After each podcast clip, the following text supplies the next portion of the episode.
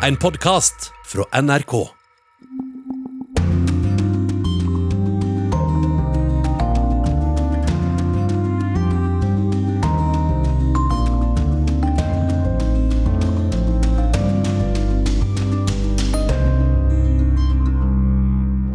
On Saturday, I will be announcing my nominee to the United States Supreme Court.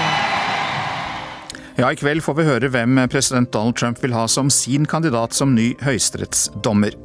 Han vil ha Senatets godkjenning før presidentvalget. Mange mener det er eh, omstridt og splittende, og vi spør om eh, demokratene vil svare med å utvide antall dommere. Russland ruller ut sin koronavaksine i befolkningen snart, men vaksinen møter skepsis. Jeg er ikke в том, at vaksinen fungerer результативность вакцины. Jeg er ikke sikker på at denne vaksinen fungerer, at den er effektiv, sier en middelaldrende mann, en av de forholdsvis få som har på seg munnbind.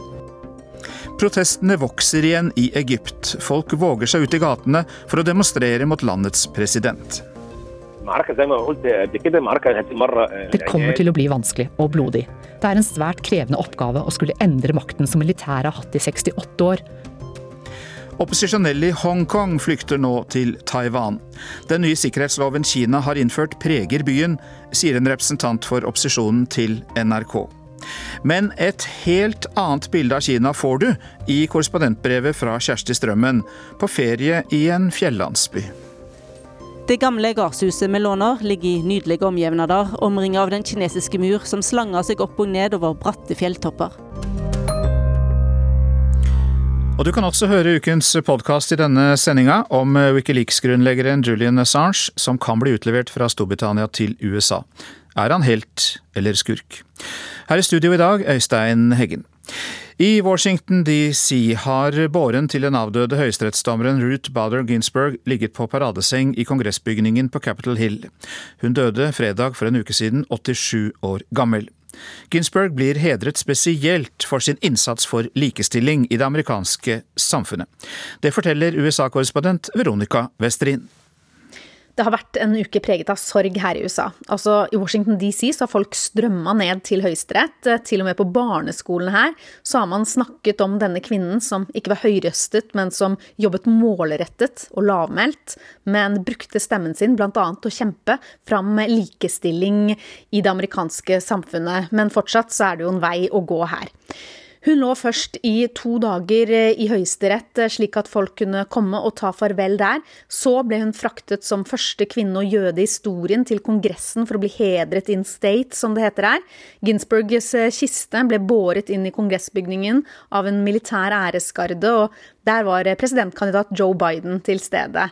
Ellers var også president Donald Trump og hans kone innom for å hedre henne i høyesterettsbygningen. De blei buet ut da de sto der.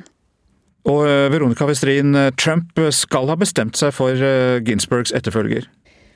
Ja, Nå tyder jo mer og mer på at dette blir storfavoritten Amy Coney Barrett. I hvert fall hvis vi skal tro det amerikanske medier melder. Barrett er en konservativ jurist som er kjent som en abortmotstander.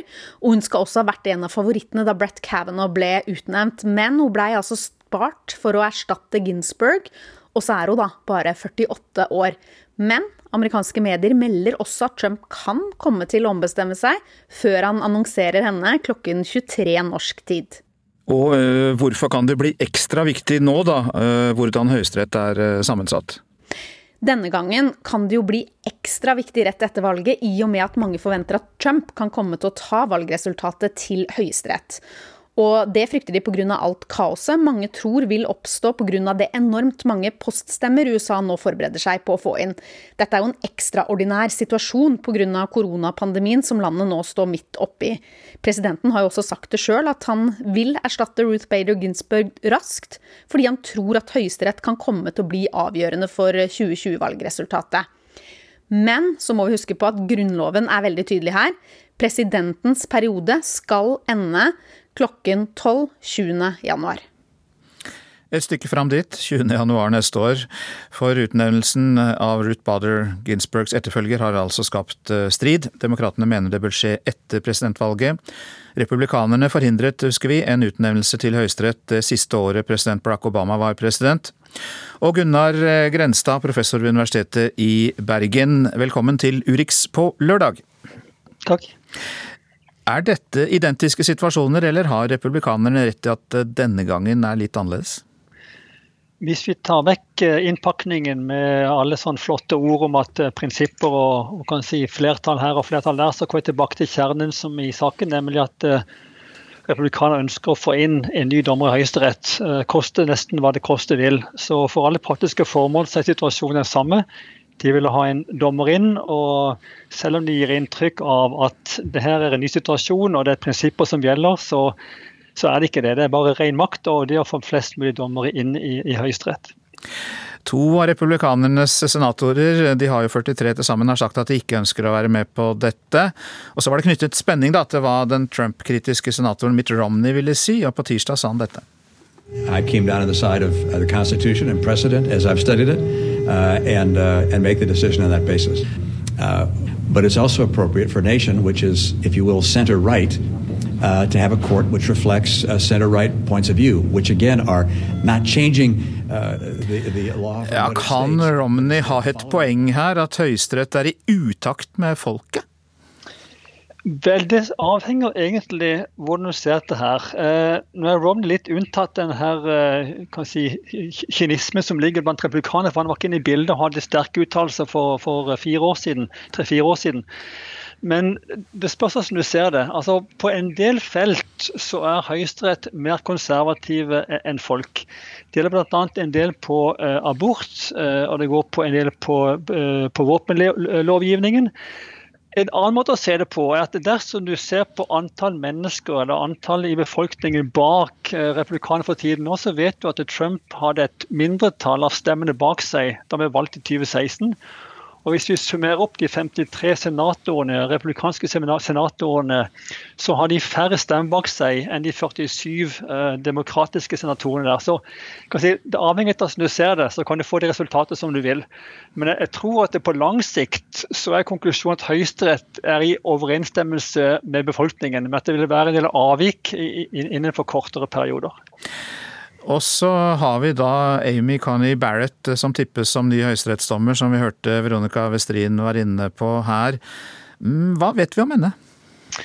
Ja, Hun er altså en av disse kandidatene som er litt interessante. fordi at eh, Bak denne utnevningsprosessen, bak denne strategien med å utnevne nye dommere til føderale domstoler i USA, enten det går på trial courts, eller på appeals courts eller på selve Høyesterett, så ligger det en, en, lang utklekking av talenter og emner, og Amy Coney Barrett er en av disse her. Republikanerne har i flere tiår jobbet ut fra det som kalles for Federal Society, som plukker uh, talenter og som prøver å få de posisjonert inn på ulike strategiske uh, stillinger og tidspunkter for å gjøre det klare til utnevninger når tiden er moden. Og Det som republikanerne har gjort med Amy Barrett, da, hun er jo dyktig, det er ikke tvil om det, eh, er at hun ble godkjent til en appelldomstol for eh, to-tre år siden. Og dermed allerede har en godkjenning i Senatet på hennes kan si, juridiske akkreditiver. Så han burde ikke være noe problem med å få igjennom i, i den saken her. Men som Vestrid nevnte, så er hun altså da en, eh, hun er, har en katolsk bakgrunn. Hun er beregnet til å være konservativ med tanke på abortspørsmålet. Og så spørs det i hvor stor grad hun vil være konservativ når vi tar inn spørsmål som går på kjønn, homofili, eh, lesbisk, kvoteprogrammer og valgkampfinansiering. Og helselovgivning, som da kom opp til Høyesterett med, med, med jevne mellomrom. Og så er det da noen demokrater eh, som har tatt til orde for at de etter en eventuell valgseier kan, eh, som da vil gi dem økt styrke i Kongressen selvfølgelig, vil utvide antall høyesterettsdommere. Hva, hva tror du om sannsynligheten for det? Eh, den tror jeg til og med er lik null. Og jeg tror det er ekstremt uheldig at man skulle gå inn på en sånn en eh, ferd ned mot bunnen av, eh, av, av, bøtta, for å si det sånn. Jeg tror at man skal prøve å holde avstand og, og, og opphøye Høyesterett til den verdigheten som det fortjener i landets høyeste domstol. Og også prøve å unngå å gjøre Høyesterett til en sånn lekestue for politikere som skal plassere sine strategiske verdier i, i, i domstolen. USA har kommet veldig langt på vei allerede med å, med å putte inn og politisere Høyesterett i den prosessen her. Men Høyesterett og rettssystemet og et rettssystem et samfunn er avhengig av tillit eh, blant befolkningen. Og republikanere spesielt, spesielt de, har vært med å utlegge den tilliten som domstolen og Høyesterett skal ha, ved å pakke inn flest mulig ideologiske dommere i, i, i rettsvesenet. Her kan vi jo sitte og mene akkurat hva vi vil, men ville det ikke vært bedre om USA hadde et uh, høyesterettssystem som lignet mer på Norge, altså at det ville skapt mer borgfred i USA? For vi sitter jo ikke og diskuterer den politiske merkelappen til norske høyesterettsdommere. Nei, vi gjør ikke det noe særlig. Alle, alle domstoler er politiske. Tredje, tredje, statsmakten er politisk, så det må vi bare legge bak oss. Men Høyesterett i USA er spesielt politisert fordi at konfliktlinjer bringes inn i, i, i domstolen. USA med livstidstermin for dommere er en, en veldig eksepsjonell eh, stilling, både sammenlignet internasjonalt med andre land og sammenlignet med 49 av de andre 50 delstatene i USA. Og Ingen andre delstater minus én har en sånn en livslengde utnevnelse av dommere.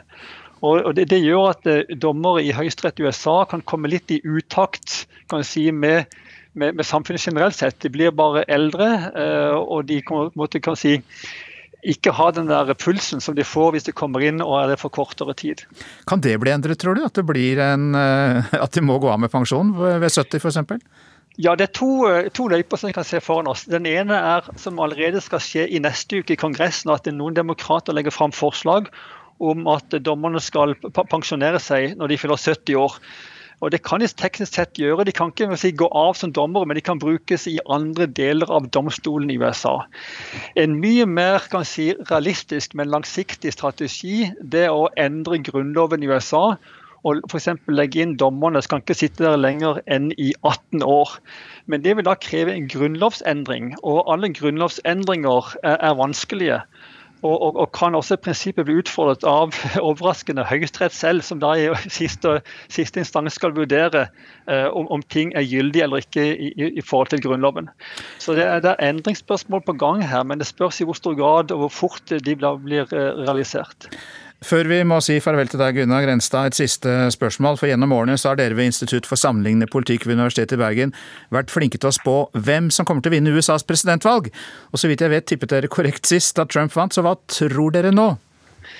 Ja, Vi har forstått det beveger seg ut på sånn prediksjon av, av, utfallene, men den modellen vi har brukt begynner å bli litt slitt i kantene. fordi at det, det, er veldig lite sammenheng mellom økonomisk velvære og synspunkt og popularitet til en president.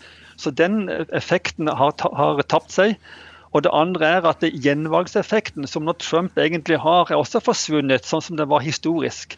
Så min beste gjetning nå, beklager det, jeg tror at det vil bli ekstremt jevnt. Men jeg håper og tror at USA kommer til å få et valgskred for å hindre rot og, og, og, problemer før innsettelsen av neste president eller samme president i 20.1 neste år. Ikke noe definitivt svar vi kan hvile oss på der, Gunnar Grenstad, men hjertelig takk for at du var med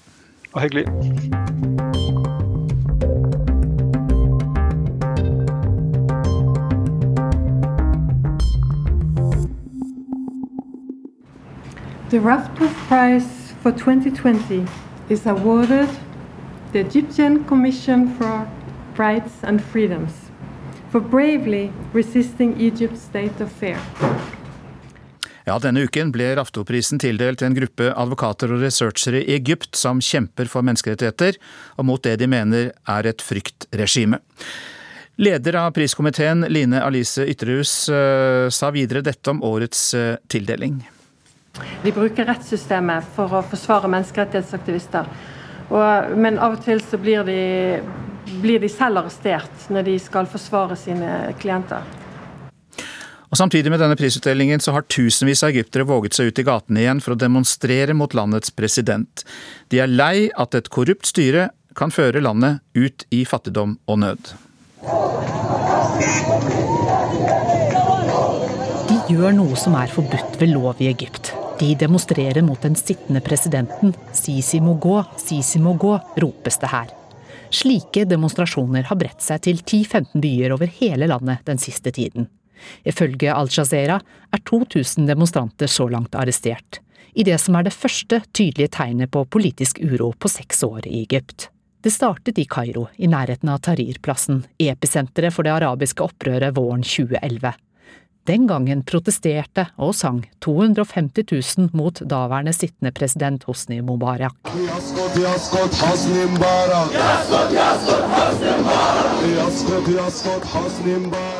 Protestsangen Eran betyr gå. Demonstrantene var lei korrupsjon, politibrutalitet, dårlig levestandard og mangel på ytringsfrihet. Etter 18 dager med demonstrasjoner måtte Mubarak gå, og landets militære styrker overtok. Landets første folkevalgte president, Mohammed Morsi, fikk ikke sitte så lenge før den daværende hærsjefen Abdel Fattah el-Sisi kom til makten ved et militærkupp i 2013. Og siden 2014 har Sisi vært president. Hva som egentlig nå foregår i Egypt, er både krevende for opposisjonelle og journalister å formidle. For ifølge Amnesty slår regimet hardt ned på kritiske medier og kaster stadig flere journalister i fengsel. De som våger å snakke, er i eksil i utlandet.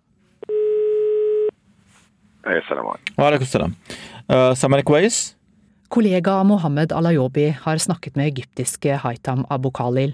Han er journalist og menneskerettighetsaktivist. I frykt for å bli arrestert i hjemlandet jobber han nå fra Tyrkia. Slik forklarer han det som nå skjer i Egypt.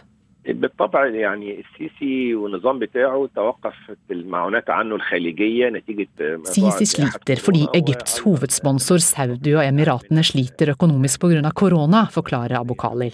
Dermed har landets president vendt blikket inn i landet, mot folk flest. Skattene er økt, strømmen er blitt dyrere, og det samme med metrobillettene. Og myndighetene river hus de mener er oppført ulovlig. Og så må folk betale for å bygge nytt, eller for å unngå å få dem revet. Dette skjer i et land hvor én av tre lever i fattigdom, ifølge statistikk Al-Jazeera har fått fra myndighetene.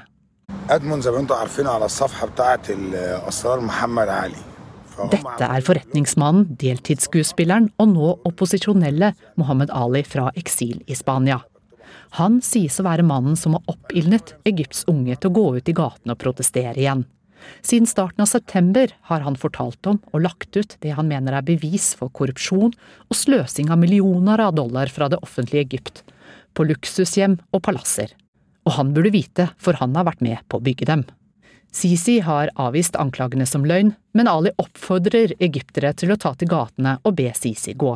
Og det har de gjort, spørsmålet nå er hvor mye Sisi vil kjempe for å beholde makten. Journalisten og menneskerettighetsaktivisten Abu Khalil forklarer.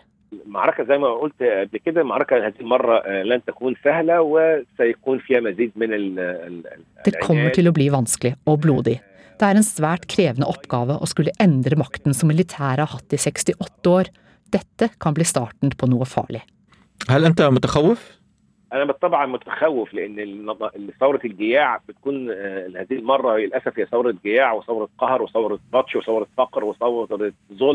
Er du redd, spør min kollega som snakker arabisk. Klart jeg er redd, svarer Abu Kali.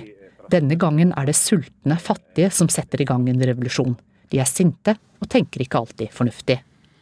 Våre reportere Anja Strønen og Mohammed Alayobi. I Russland er det stor skepsis blant folk til den nye russiske koronavaksinen Sputnik V. Myndighetene godkjente vaksinen i august, selv om den fremdeles ikke har gått gjennom alle tester. Helsearbeidere og lærere har allerede begynt å bli vaksinert. På gata i Moskva er det vanskelig å finne noen som ønsker å ta vaksinen. Нет, конечно. Не хочу. Нет. Nei, nei og atter nei. Av åtte personer vi spør på gata i den russiske hovedstaden, sier nesten alle at de ikke ønsker å ta koronavaksinen Sputnik V.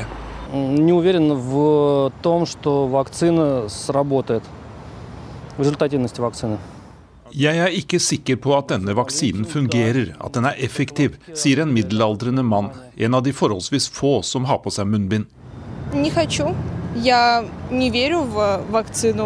Jeg vil ikke vaksinere meg. Jeg har ikke tro på vaksinen som er utviklet. Den er ukjent, jeg vet ikke hvordan det blir, sier en ung kvinne.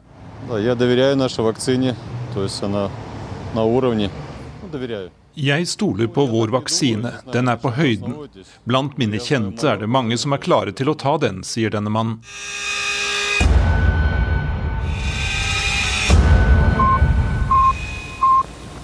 Russiske myndigheter har satset mye på å utvikle sin egen koronavaksine.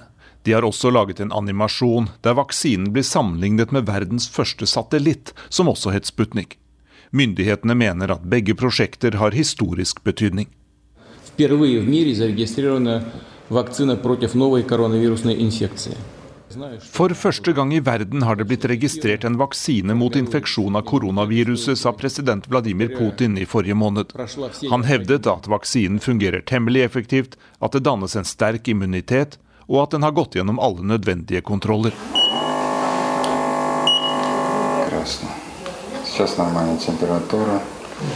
Russiske frivillige deltar nå i det som kalles fase tre av testprogrammet. Om lag 40 000 personer skal være med i denne siste runden. I fase to og tre har vaksinen blitt testet på dyr og et mindre antall mennesker. Forsøkspersonene sier til russiske medier at de ikke har opplevd problemer. Jeg har ikke merket noen forandringer i helsa, sier denne mannen som deltar i testprogrammet til russisk statlig TV. Men ved siden av utprøvingen av Sputnik-vaksinen blir leger og lærere oppfordret til å la seg vaksinere. Noen gjør det, andre mener at vaksinen må gjennom alle tester før de vil bruke den.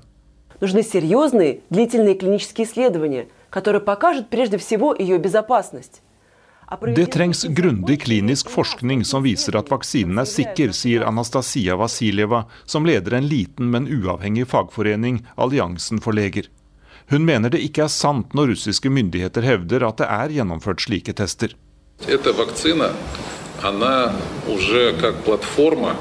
Den russiske helseministeren har en annen oppfatning. Denne vaksinen er godt kjent og godt undersøkt, sier Mikhail Murasjko.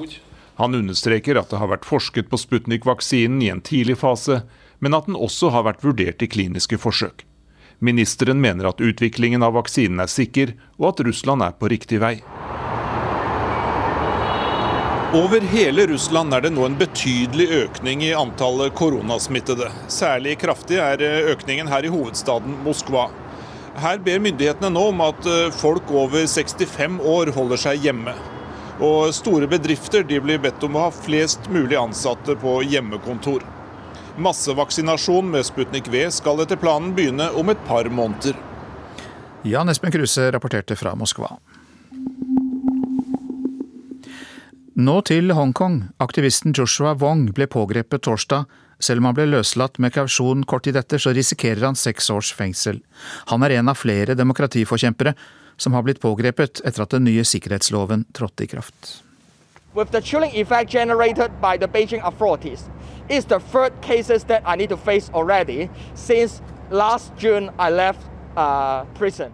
Dette er den tredje saken mot meg siden jeg slapp ut av fengsel i juni. Det sa Joshua Wong da han ble løslatt mot kausjon. Wong er siktet for å ha deltatt i en ulovlig demonstrasjon og for å ha brutt et forbud om å dekke til ansiktet. Han må møte i retten neste uke og risikerer opptil seks år i fengsel. Even they can prosecute us, they can arrest us, they can lock us up in prison, but they can't censor our, our commitment, continue to fight for freedom. De kan arrestere oss, men vi vil fortsette kampen for frihet, sa Wong. Han ba det internasjonale samfunnet om å være oppmerksom på tolv hongkongere som ble pågrepet av kinesiske myndigheter i august. Instead of only focusing on prominent activists just like me, I wish more people can pay attention to how 12 detainees are still being detained in Shenzhen and with the secret detention, which is totally violate on human rights. Gruppen har fått navnet Hongkong 12, og er de første som har blitt pågrepet mens de har prøvd å flykte med båt over til Taiwan. Etter at den omstridte sikkerhetsloven trådte i kraft, har flere demokratiforkjempere blitt pågrepet. Derfor har nærliggende og selvstendige Taiwan blitt et fristed for aktivister. Men det har blitt vanskeligere å fly pga. koronapandemien. I tillegg har noen fått konfiskert passene sine. Det gjør at den farlige sjøveien er eneste alternativ.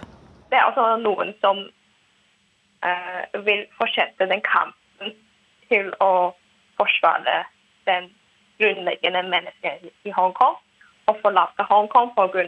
at de er redd for å bli arrestert under den nye sikkerhetsloven. Det sier Jessica Kai Chu, som er leder i Hongkong-komiteen til NRK. Hun forteller at den nye sikkerhetsloven preger hverdagen i Hongkong. Eh, Sikkerhetsloven i Hongkong skaper frykt i, eh, blant innbyggere i Hongkong. Og derfor er det folk som ikke tør å gå ut og protestere. Hongkong var en britisk koloni i over 150 år. Ved tilbakeføringen til Kina i 1997 var avtalen at byen skulle beholde sine egne grenser og sitt eget økonomiske system og rettsvesen. Innbyggerne har hatt ytringsfrihet og pressefrihet, men mange frykter å miste dette hvis Kina får et sterkere grep om byen. Jessica Kai-Chu sier at den nye sikkerhetsloven og utsettelsen av det kommende valget kan markere slutten for demokratiet i Hongkong. Det føles slik ut.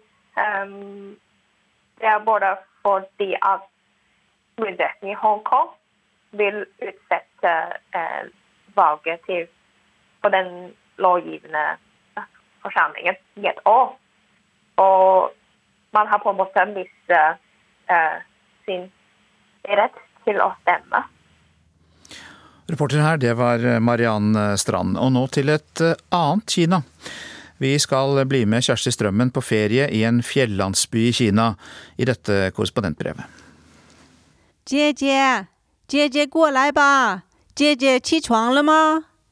Klokka er bare halv seks om morgenen, men stemma til nabogutten runger innover porten, inn gjennom glasset og ut i det søvnige rommet. Storesøster, kom da vel! Er storesøster vaken? Jeg gjør et forsøk på å sove videre, men etter flere minutter med rop begynner han å rasle med dørene. Jeg er redd porten skal gå av hengslene, og tusler meg gjespende ut i ljoset. Seksåringen står der og tripper. Han er for lengst vaken, klar for leik og moro.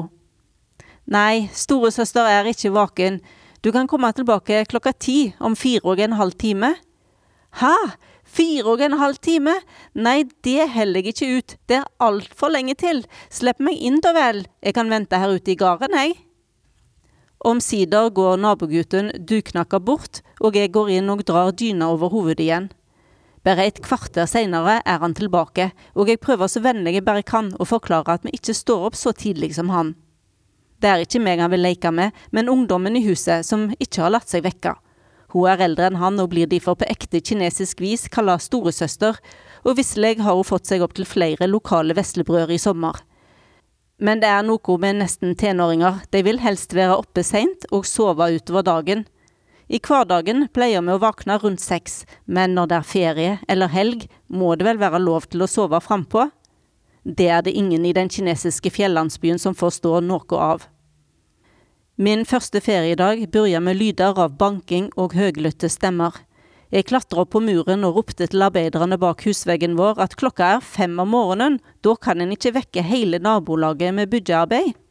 Nei vel, og nå mente jeg at jeg kunne begynne. Ifølge lova kan det begynne rundt åtte, svarte jeg, klar i min sak. De lo. Klokka åtte? Nei, da kom de ikke til å tjene penger, så det kunne jeg bare glemme. Jeg spurte ei av nabodamene om hva hun mente om mitt krav om å vente til åtte, eller i alle fall sju, og hun fnyste. Du kan vise til lova i byen, men her på landsbygda får du ikke gehør for den slags. Arbeidsfolka kunne likevel gå med på at det ikke var så kjekt for noen å bli vekt av en totakter på tomgang rett utenfor husveggen medan det ennå var mørkt, og flytta denne. Trass ulik døgnrytme er vi blitt venner. Jeg byr på te, og de viser meg hvordan lokale urter kan bli brukt i mat de koker på en flyttbar gassovn i teltet sitt. Det gamle gardshuset vi låner, ligger i nydelige omjevnader, omringet av den kinesiske mur som slanger seg opp og ned over bratte fjelltopper. Bygningen er vakker og tradisjonell, men den er ikke isolert. Når arbeidskarene snakker til hverandre før dagen gryr, er det som om de står inne på soverommet mitt. Og det er ikke bare fordi det er lutt, for kineserne snakker gjerne høyt.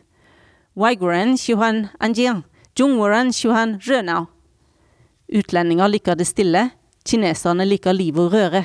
Det sier venninna mi på det lokale vertshuset da jeg kommenterer karaoken som ljomer gjennom landsbyen på kveldstid. Både hun og gjestene elsker å synge lungene tomme, uten blygsel, både med og uten sangstemme. Det er bare til å nyte denne sanggleda med godt humør. De fleste tar tidlig kveld, og til vanlig senker roen seg klokka ti, med unntak av noen tilreisende med litt for mye alkohol innabords. Jeg har tenkt tanken at det ville være lurt å følge rytmen til de fastboende, slik at jeg får nok søvn, Kanskje kunne jeg også våkne i tide til å slå følge med tilreisende som i muntre og høgrøsta flokker strener forbi oss og opp på muren for å få med seg soloppgangen på den høyeste nut. Men det strir liksom litt mot ferietradisjonen å legge seg klokka ni, så jeg får det ikke helt til. Det straffer seg hver dag, også fordi jordbrukerne går løs på arbeidet med liv og lyst før sola tar tak, like over gjerdet fra oss. Åkeren er landsbyen sitt samlepunkt grytidlig på morgenen. Jeg våkner med et grunt og får lyst til å be deg fint om å snakke med litt lågere stemme, men jeg vet godt at det blir for dumt. Jeg kan gjerne be arbeidskarene i nabogården vise omsut, men eh, de fastboende har nå sine rutiner. Selv om vi sakte, men sikkert kommer tettere på lokalbefolkninga og ofte slår oss ned på samme benk og slår over en prat, så er vi gjester og må innrette oss etter lokale forhold. Vår nærmeste nabo er alltid glad for å se oss, og inviterer oss gjerne inn. Han er i slutten av 70-åra og er for lengst pensjonist. Han klager over vondt i ryggen når han hjelper meg med å ta knekken på biller som vil ete opp velsmakende lønnetrær, men forstår lite av plenen. Ingen av naboene forstår seg på den. I sommer ville jeg bytte ut den gamle, for den hadde fått for lite stell og var full av siv og ugras. Det var lettere sagt enn gjort, for selv om avtalen var klar, leverte han som hadde tatt jobben, et lass med plen spedd i så mye ugras at jeg måtte kalle det et avtalebrudd. Jeg nekta å ta imot. Bonden, som var legd inn fra en annen landsby, hadde, sammen med kone og sønn, brukt en hel dag på å spa opp den gamle plenen. Han mente at det ikke fantes annet å få tak i, så det måtte vel være godt nok. Han var helt samd i at han hadde forstått hva jeg hadde bestilt og hadde levert noe annet, men han skjønte seg ikke på plen, og nå var det lite han fikk gjort med det.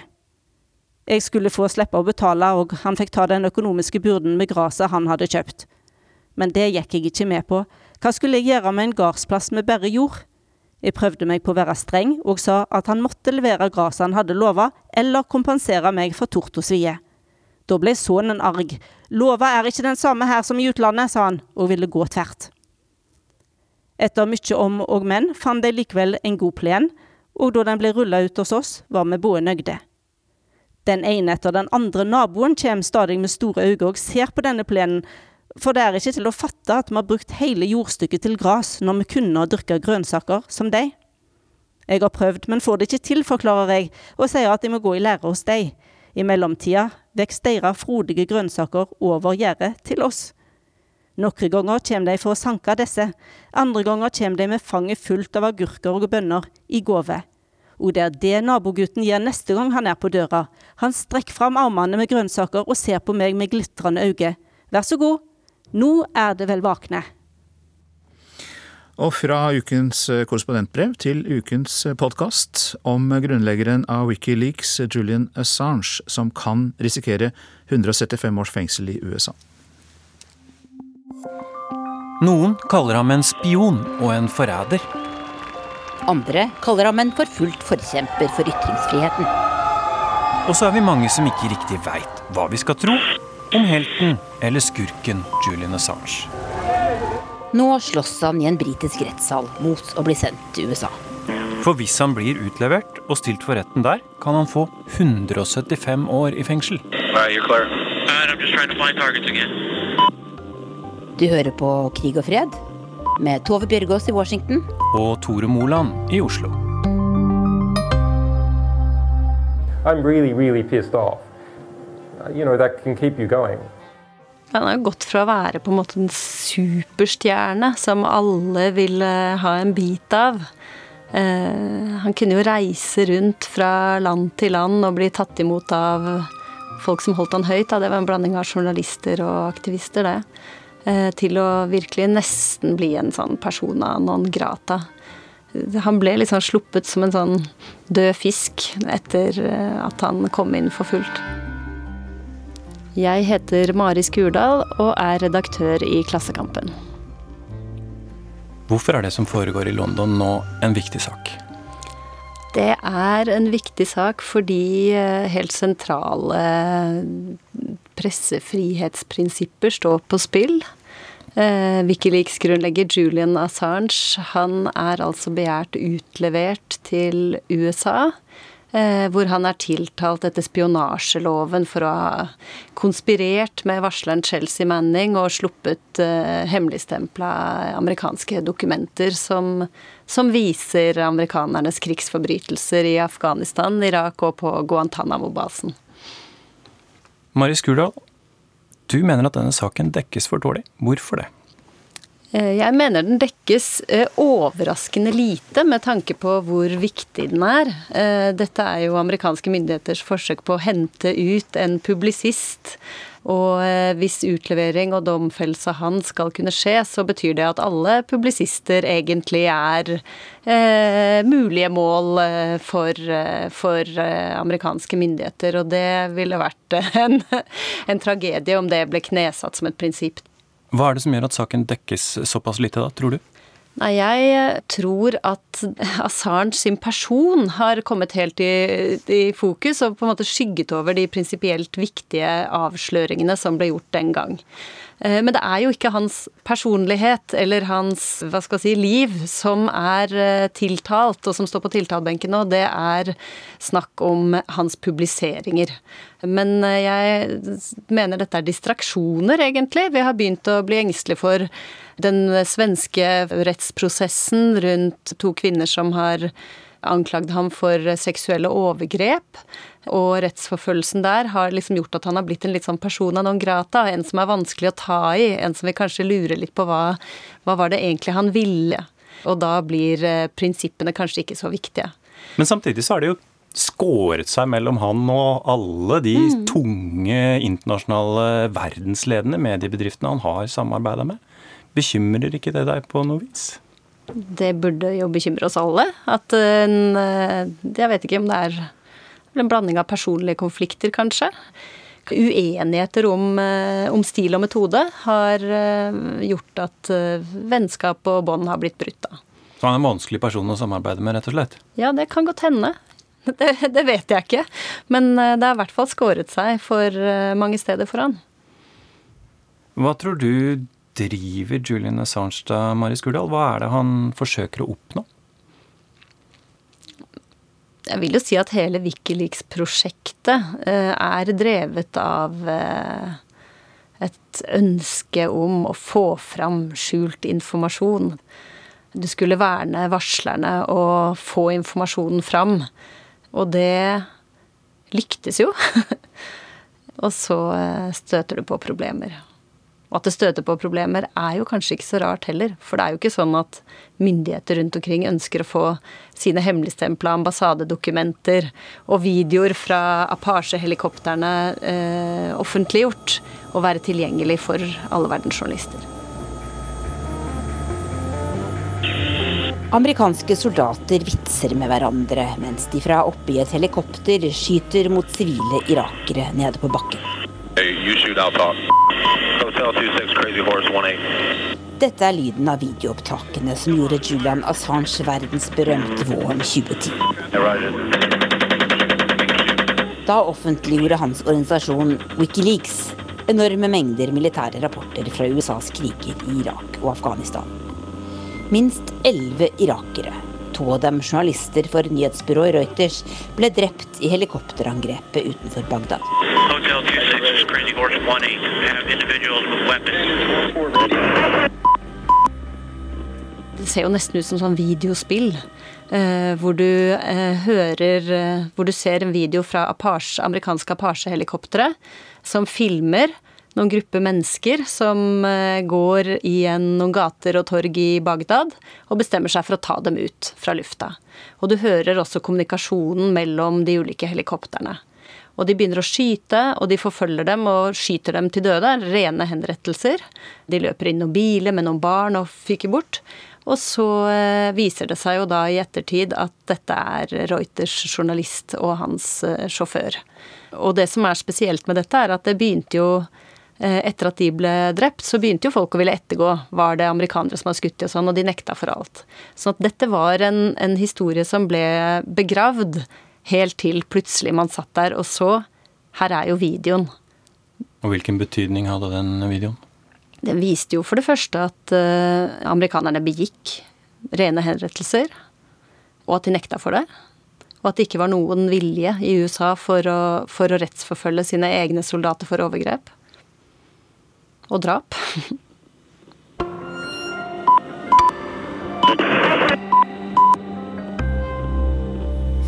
Altså, da han eh, og Wikileaks eh, fikk tak i alle disse etterretningsdokumentene, eh, amerikanske etterretningsdokumentene, og i 2010 og delte de med en del eh, store redaksjoner internasjonalt, så fikk vi jo frem nyheter som egentlig forandret synet på USAs krigføring i Irak.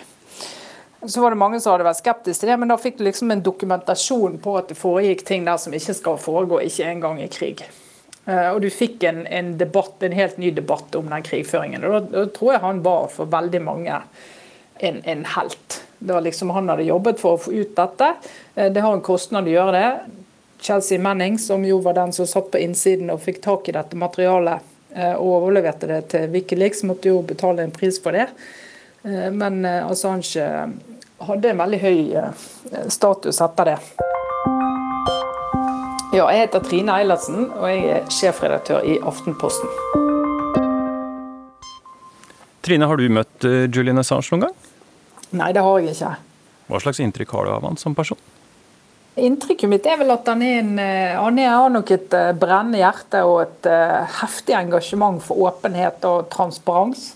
Og så er han nok en litt sær person som eh, har sitt eget prosjekt, kommer på kant med folk og, og, strever litt med å kanskje finne plassen sin i alle typer miljø.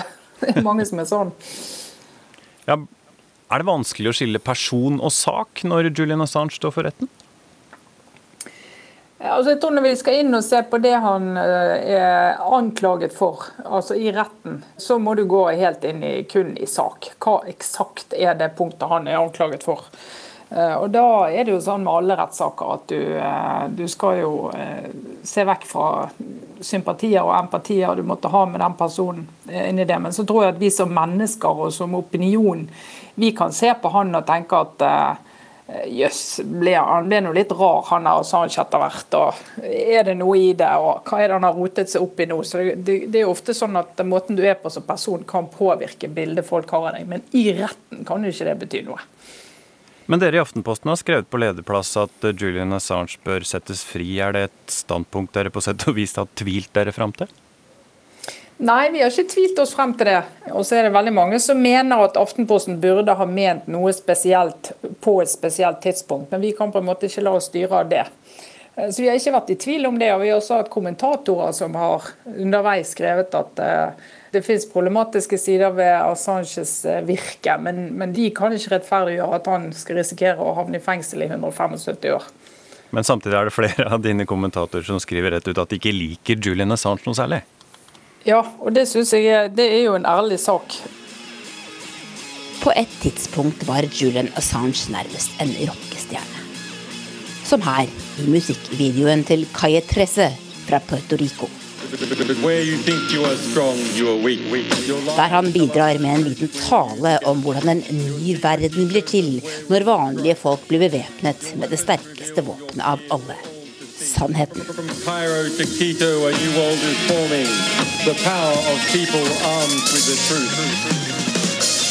Sangen handler om mediemanipulasjon og feilinformasjon. Og i musikkvideoen kan vi se en palestinsk guttunge som plukker fra hverandre en rifle og bygger seg en gitar av den. Hvem er det egentlig som støtter Julian Assange, slik du ser det, Trine Eilertsen? Altså, det er litt forskjellige, det er litt forskjellige typer mennesker. Jeg tror en, en god del av oss i pressen Eh, støtter hans frihet til å kunne videreformidle informasjon som er innhentet ulovlig. Altså, vi har ikke lov til å eh, begå lovbrudd for å få tak i informasjon, men vi kan ta imot informasjon. og mener at det er en viktig frihet for, for journalister, og redaktører og mediehus. Og så er det noen der som støtter altså, hans veldig kritiske prosjekt mot, mot USA og USA som verdensmakt. Og Det ser du i Norge òg, at eh, en del på, på den politiske venstresiden er, er, opptatt av det han har, har, fått til med å avsløre amerikanske maktovergrep. Og er veldig opptatt av det. Og så, så ser du at en del på tilsvarende på den andre siden, på høyresiden, også i USA og i andre steder av verden, mener at du kan ikke, med det prosjektet han har, så kan du ikke uh, løfte han frem som en sånn ytringsfrihetshelt. fordi han Eh, jobber bare mot, mot ett land, og at han har et prosjekt som de ikke kan eh, identifisere seg med. da. Hva mener du, da? Nei, altså Jeg mener jo at det han gjorde i 2010, det var jo veldig viktig eh, å få frem den informasjonen. Og så mener jeg at vi må kunne dekke Julian Assange sånn som vi dekker alle andre mennesker som både har innflytelse og som påvirker debatter, som er premissleverandører. Vi må dekke de kritisk. Så jeg syns det er riktig å, å, å være kritisk til en del av det han har gjort. Også fordi at jeg syns leserne har rett til å vite det. Det er egentlig normal kildekritikk. da.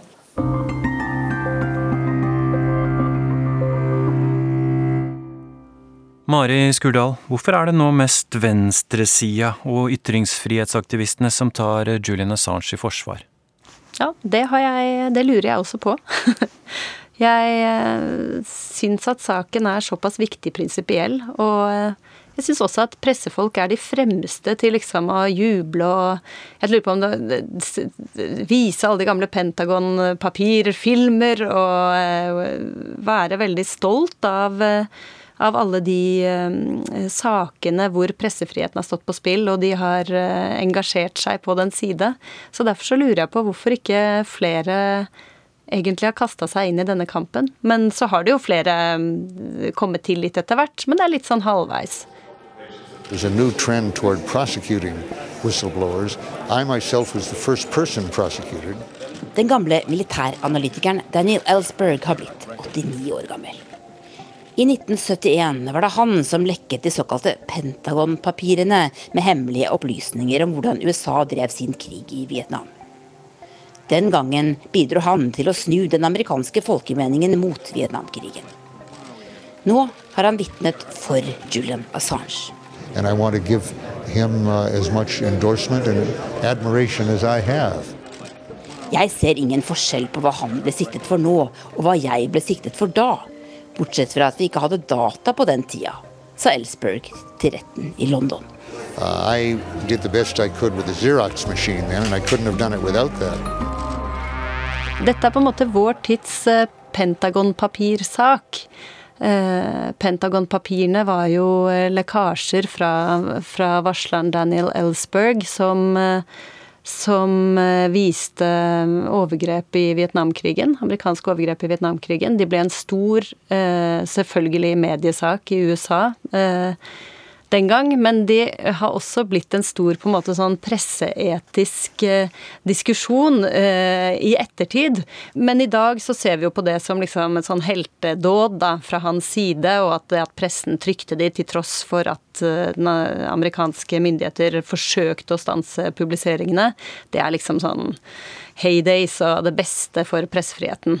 Så på samme måte som Daniel Ellsberg avslørte USAs krigføring i Vietnam, så har Julian Assange avslørt USAs krigføring i Afghanistan og Irak.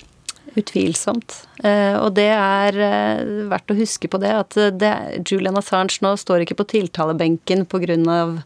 Eh, noe strid om eh, noen e-poster i 2016 eller noe sånt nå. Han er altså tiltalt for det som har nesten vært det mest prisbelønte journalistiske arbeidet i eh, de siste ti årene. Og det har vært prisbelønt i alle land i verden, inkludert USA. Men samtidig så er det jo noen viktige forskjeller her, da. For Daniel Ellsberg med Pentagon Papers, han gikk til New York Times. New York Times gikk gjennom informasjonen, beskyttet kildene sine, verifiserte. Det Julian Assange gjorde, var at han fikk tak i en enorm mengde data, og så la han alt sammen bare ut offentlig uten å beskytte noen som helst, og kan jo da ha satt folk i fare. Afghanere som har samarbeidet med amerikanerne, f.eks. Mm. Eh, Nå høres det ut som amerikansk påtalemyndighet, for dette er en ganske sentral del av rettssaken. Eh, det er første sier, gang noen har sagt det hvor de sier at eh, han har satt amerikanske liv i fare. Og da eh, Daniel Ellsberg vitnet i, i retten eh, før helga, så sa jo han at jeg har fortsatt til gode å se hvem som er satt i fare. Mari Skurdal, du nevnte personen Julian Assange. Hvordan har hans personlighet på sett og vis da kommet i veien for det du mener er den virkelige saken her? Altså, jeg kjenner jo ikke til hans personlighet, naturlig nok. Men har aldri møtt han. jeg har jo aldri møtt han. Han har jo sittet um, mye av de siste ti årene, ni årene, i, uh, i en ambassade, ekvadorianske ambassaden i London. Men historiene om hans person og overtramp og sånt, de verserer jo overalt. Og lenge var det jo denne svenske etterforskningen som dominerte alle historiene om Assange. Midt i alt det her, en mistenkt voldtekt i Sverige. Så hva handler det her om? I november i fjor avsluttet svensk politi sin etterforskning av Julian Assange. For andre gang. Da var det gått ni år siden han var blitt anmeldt for voldtekt av en kvinne og seksuelle overgrep mot en annen under et besøk i Sverige. Jeg har derfor besluttet at ikke vidta videre åtgjerder for å holde forhør med Julian Assange. Assange selv nektet for å ha gjort noe galt, og fryktet at voldtektsanklagene i Sverige var ledd i en plan for å få ham utlevert til USA. Det er altså en historie hvor to kvinner har anklagd ham for uh, overtramp. Og eh, den historien ble egentlig aldri ettergått. Men uh, når du på en måte går litt inn i den og skjønner at det er aldri tatt ut verken siktelse eller tiltale, dette er bare en undersøkelse som for en del år siden ble lagt bort, så er det jo ikke så mye mer enn det, rett og slett. Og eh, vi må jo på en måte bare ha, la rettsstatens prinsipper om at du er uh, uskyldig til du blir dømt for noe, gjelde. Uh, og i så fall så vil jeg tenke at ut fra den saken som føres nå i Old Bailey London, så er det også egentlig et sidespor. Hva betyr det? Betyr det at Julian Assange har blitt utsatt for en svertekampanje? Jeg vil jo anta at han er utsatt for en svertekampanje, hvis man skal lese liksom historien rundt sånne type saker. Eh, men det betyr ikke at jeg mener at disse kvinnene ikke har noe å fortelle. Eh, men hvordan dette har blitt brukt, og hvordan saken har blitt holdt levende, eh, det, det kan jo være del av en svertekampanje. Saken har gått i ti år siden Wikileaks ble et navn vi alle ble kjent med, Mari Skurdal. Har folk rett og slett blitt litt lei? Eller litt forvirra av å prøve å følge med? Ja, det tror jeg nok den gjengse leser har blitt. Og dessverre så kan det jo også være at mange journalister har blitt det. Assange har blitt en mann som har fått liksom sitt rykte sverta. Eh, og det har vært så mye styr så lenge. Så husker man ikke lenger hva som er hva, og hvem har egentlig lest Müller-rapporten, og hvordan var det igjen med Cablegate, og var det ikke noe om ambassadepapirer? Det er mange lekkasjer, det er mange anklager. De spriker i mange retninger og forskjellige land. Og derfor så tror jeg at det blir uoversiktlig, komplisert. Og eh, noe man rett og slett må sette seg litt ordentlig inn i for å kunne skille skitt fra kanel. Og hva bør vi holde oss fast i hvis vi skal forsøke å skille skitt fra kanel? Vi bør holde fast på at Assange nå er tiltalt eh, for det beste journalistikken Wikileaks noen gang har gjort. Og det er journalistikk som er verdt å forsvare for alle som ønsker en opplyst, god og sannferdig offentlighet. Sommeren 2012 søkte Julian Assange asyl i Ecuadors ambassade i London.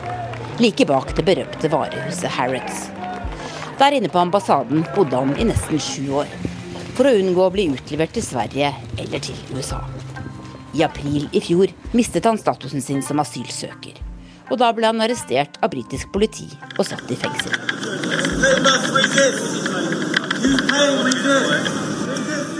Så må jeg spørre deg, Trine Eilertsen, hva tror du driver Julian Assange egentlig? Hva er det han forsøker å oppnå?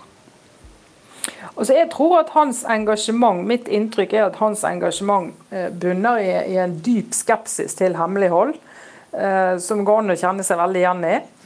eh, men med da sterkere engasjement enn de aller fleste. eh, Hvor han mener at du må få ut informasjon om det som skjer, for kun hvis du får det ut og får det diskutert og får det vist frem, så kan du gjøre noe med det som er overgrep og overtramp. Eh, Og Det går også an å kjenne seg veldig igjen i. Og så tror jeg jo at han har et, et, eh, en veldig, som veldig mange har, eh, også et stort ego. Sant? At Julian Assange er også veldig opptatt av Julian Assange. Og det skal du jo ikke bruke mot ham hvis han ellers eh, får gode ting til. Eh, Og det Den drivkraften tror jeg Det engasjementet kan jo ingen ta fra han. Han har betalt en enorm pris for det. Ja, Hvordan tror du det står til med han egentlig? Nei, jeg tror ikke han har det veldig bra. Altså, Har bodd inne på denne ambassaden i flere år og ikke kunne gå noe sted. Eh, Du lever nesten isolert, eh, og så lever lever av trussel av å bli utlevert til et rettssystem som har fengselsstraffer som eh, en del andre av oss vestlige demokratier ikke helt kan forholde oss til. Det er klart det er stort, stort press. Hvordan tror du han vil stå igjen i historiebøkene? Og Vi står igjen som en eh, kontroversiell person, som var eh, kanskje en av verdens mest beundrende mennesker på et tidspunkt, men som eh, som både ved hjelp av seg sjøl og ved hjelp av andre rotet det litt til for seg.